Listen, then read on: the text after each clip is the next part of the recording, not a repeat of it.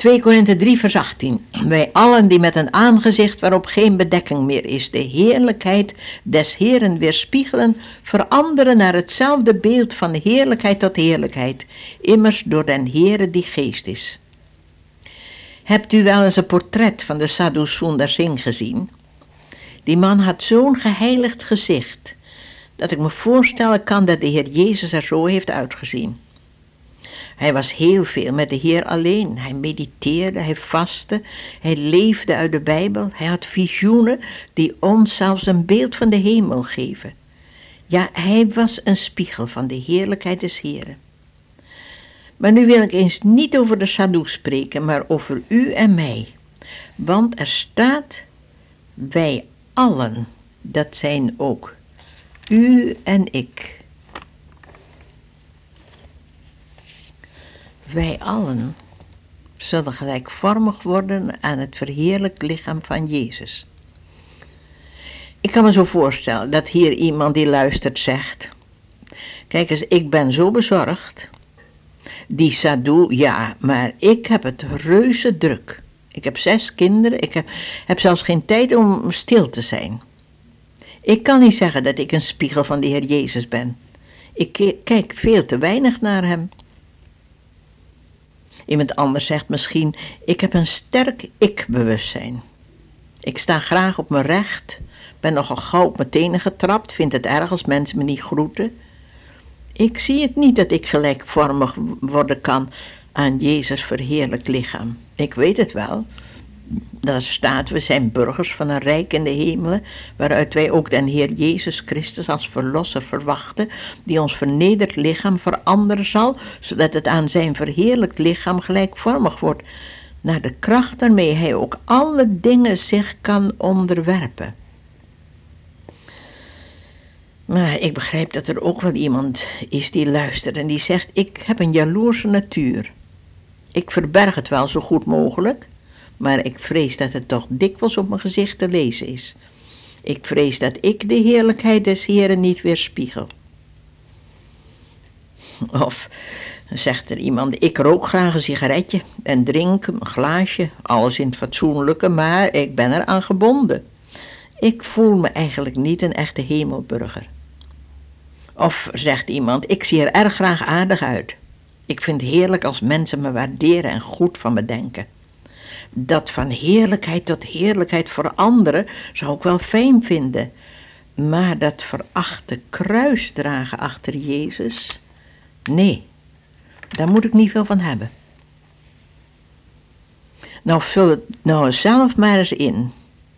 Uw karakter, uw omstandigheden, uw ervaringen zijn allesbehalve een groeiend proces van gelijkvormigheid aan Jezus, een steeds meer spiegel worden van de heerlijkheid des Heren.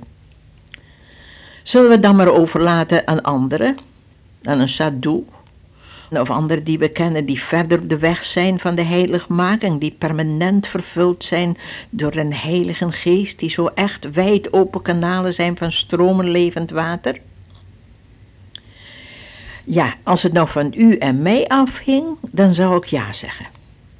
Laten we toch vooral nuchter zijn. En laten we toch met onze voeten op de grond blijven staan.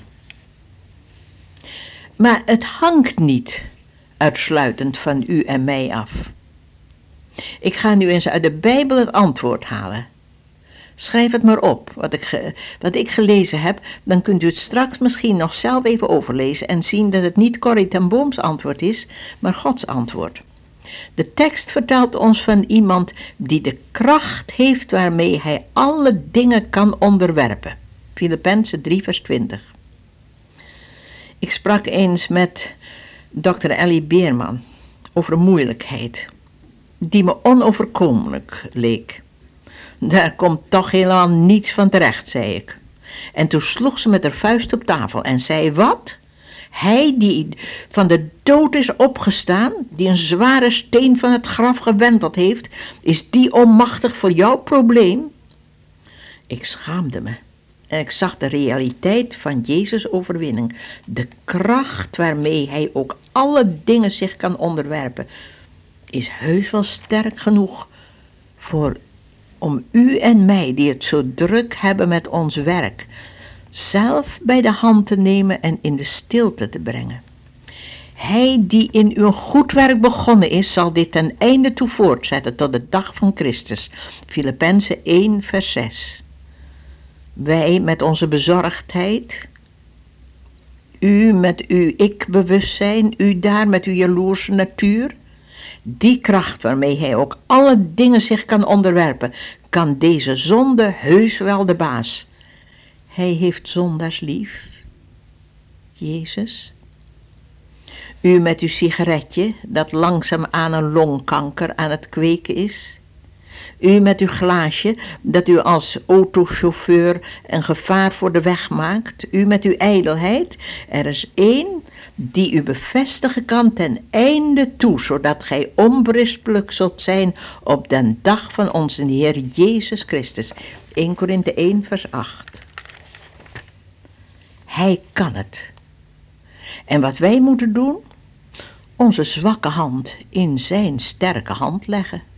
Alle hoekjes en kamertjes en laadjes openen voor hem, zodat zijn overwinning niet in een enkele kamer en in een bepaalde omstandigheid ervaren kan worden. Nee, alle ramen open voor het licht, niet één enkel hoekje in het duister, alles open voor hem.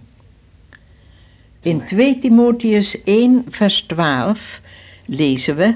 Ik weet op wie ik mijn vertrouwen heb gevestigd en ik ben ervan overtuigd dat Hij bij machten is, hetgeen Hij mij toevertrouwd heeft te bewaren tot dien dag.